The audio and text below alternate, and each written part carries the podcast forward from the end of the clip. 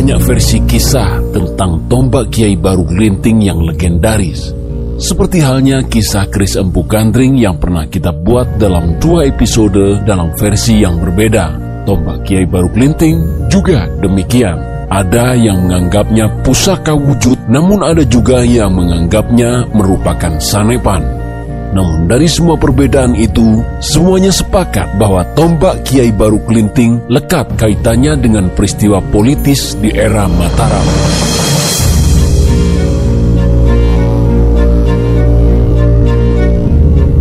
Ini sesungguhnya hidup dari masa ke masa melalui tradisi tutur rakyat, dihidupkan lewat pertunjukan tradisional dan secara manuskrip sepertinya tidak terlalu penting dicatatkan secara khusus oleh pujangga penulis babat Tanah Jawi. Meski demikian, kisah rakyat ini di kemudian hari dituliskan kembali dalam babat Mangir. Bisa dimaklumi karena babat Tanah Jawi ditulis untuk melegitimasi kekuasaan raja-raja Jawa masa itu. Ini membuat kisah tombak Kiai Baru Kelinting dan Ki Ageng Mangir ibarat misteri yang belum diketahui jawabannya. Apalagi belakangan, berdasarkan penelusuran, sosok yang menggunakan nama Mangir ternyata bukan hanya satu, namun empat. Memang bukan hal yang aneh karena pada masa itu, bahkan hingga sekarang, nama seseorang ada kalanya bersifat nunggak semi. Nama ayah dipakai oleh anaknya, Bahkan satu orang kadang memiliki sejumlah nama julukan atau paraban. Mengingat nama Mangir ternyata digunakan oleh sejumlah orang, maka tidak heran ada sejumlah makam Ki Ageng Mangir di beberapa tempat dan itu belum termasuk sejumlah petilasannya.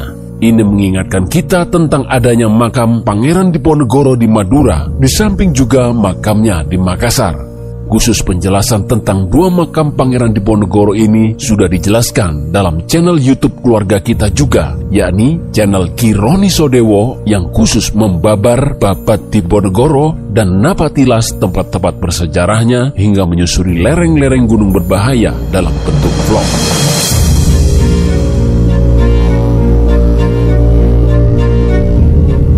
Kisah Tombak Baru Kelinting dan Ki Ageng Mangir Wonopoyo, Bumi Mataram merupakan lokasi utama peristiwa dan tidak bisa dilepaskan dari peristiwa politik yang terjadi masa-masa itu juga.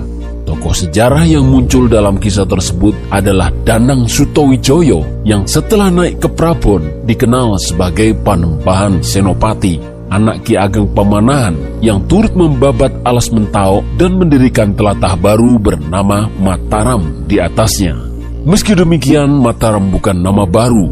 Berabad-abad sebelumnya, nama Mataram telah digunakan dan mengacu pada wilayah kerajaan Medang atau Mataram kuno untuk wilayah Yogyakarta dan sekitarnya. Nama wilayah Mataram dalam periode ini telah disebutkan dalam prasasti, di antaranya adalah prasasti Lord Minto dan prasasti Anjuk Ladang. Di masa Rakai Mataram, Sang Ratu Sanjaya, pendiri kerajaan Medang, pusat kekuasaannya disebut Medang, Ibumi Mataram. Letaknya memang di Yogyakarta, walau dari sejumlah identifikasi sejumlah prasasti, diketahui pusat kekuasaan Medang sesungguhnya berpindah-pindah. Kepindahan ini dimungkinkan karena Gunung Merapi secara berkala meletus hingga pusat kekuasaan mau tidak mau harus dipindahkan.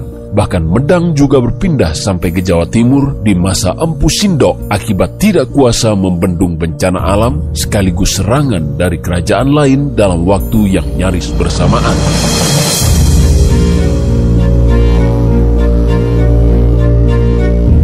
Sebagai bekas pusat kekuasaan Mataram kuno, tidak heran ditemukan banyak sekali candi di seputar Yogyakarta. Karena bahan bangunan kala itu kebanyakan terbuat dari batu andesit, maka setelah sekian lama terkubur, candi-candi yang ditemukan kembali rata-rata masih terlihat awet dibanding candi-candi atau bangunan berbahan batu merah yang kebanyakan digunakan di era Majapahit hingga mudah rusak bahkan tak berbekas oleh bencana alam atau akibat perang.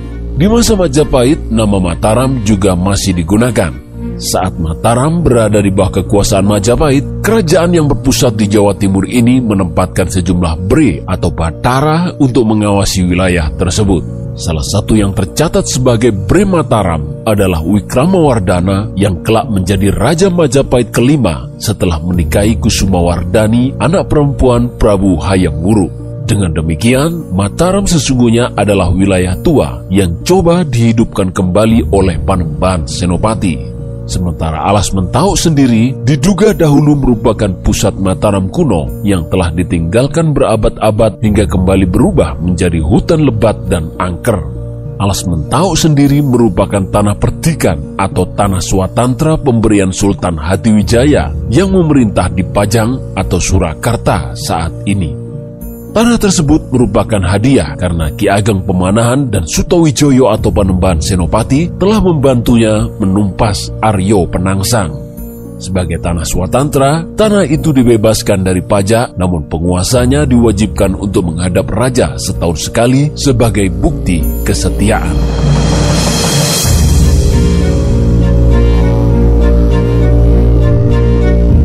Alas Mentau diidentifikasi wilayahnya sangat luas mulai dari Purwo Martani Sleman, Banguntapan, hingga Kota Gede.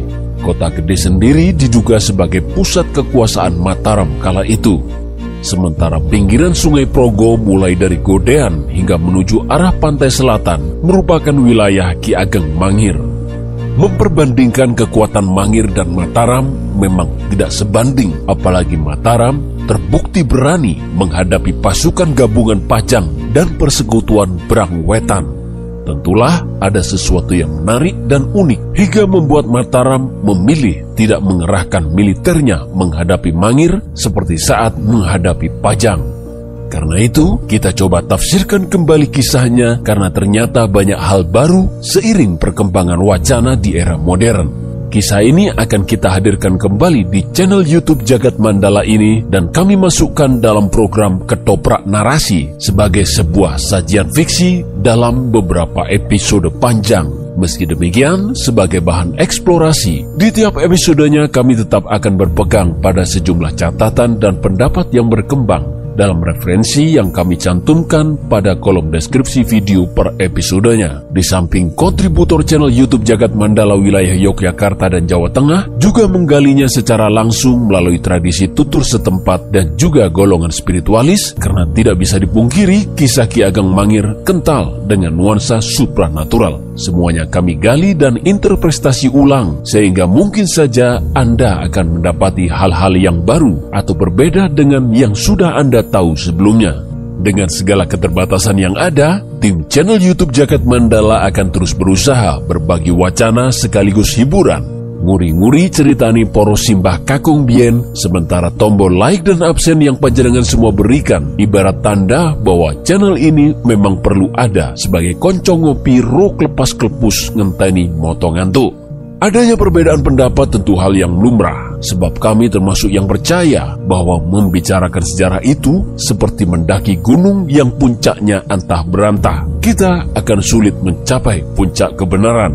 Semua boleh berpendapat puncak itu akan sampai di mana, tapi yang perlu diingat, dia sedang berpendapat ketika belum sampai puncak, dan puncak gunung itu belum tentu seperti yang dikatakannya dia baru memberikan tafsir terhadap puncak. Baiklah, sementara itu dulu prolog ketoprak narasi Tombak Baru Kelinting yang kisahnya sedang digarap oleh tim Jagat Mandala dan akan diterbitkan dalam beberapa episode ke depan.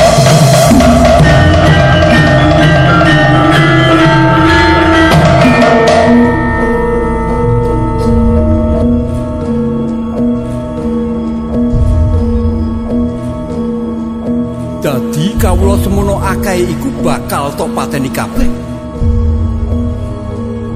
Perang kang ora timbang.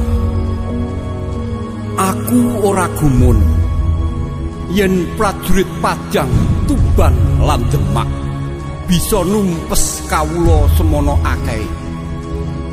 Lamun aku bakal gumun yen to sira kabeh bisa nyirep peperangan iki. Ingsun mula senopati ning perang mula ingsun wajib ngendhaleni prajurit ingsun. Yen prajurit kira kongkon mateni wong sakmono akeh. Para prajurit pajang tuban lan demak. Padha kelangan nalar. Mula dawuhku unekno barisan diundurake.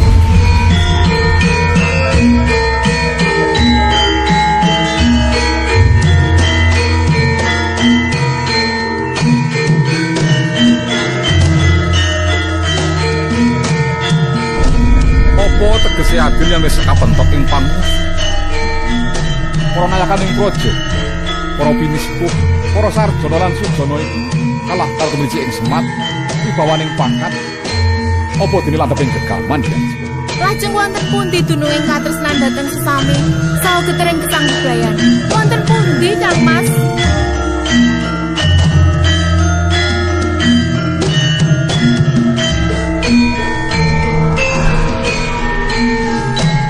Mataram kedah dipun gebak ing perang Romo. Sanes pajang ingkang lepat menawi pajang ngrekaken wadya bolenipun dhateng Mataram. Kang Mas Senopati sampun rumiyin narik curika saking wurakanipun Romo.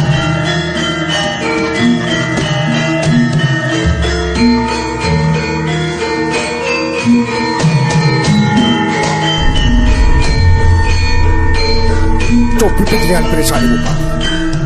Menika para prajurit ing pajak sampun sami pamer ing kagunganipun. Nopo injih kalampah. Romo menika numpes tiang semanten kathahipun. Numpes para kawulanipun Romo piyambak. Nanging menika perang sih, perang menika wengi. Yen boten medhai tentu kemawon badhe kapecahan. Yen panjenengan kula nampaniku saka kula, kula badhe manembah wonten ing pepodo panjenengan. Monggo kibojo. Yen sampean badhe dateng kula.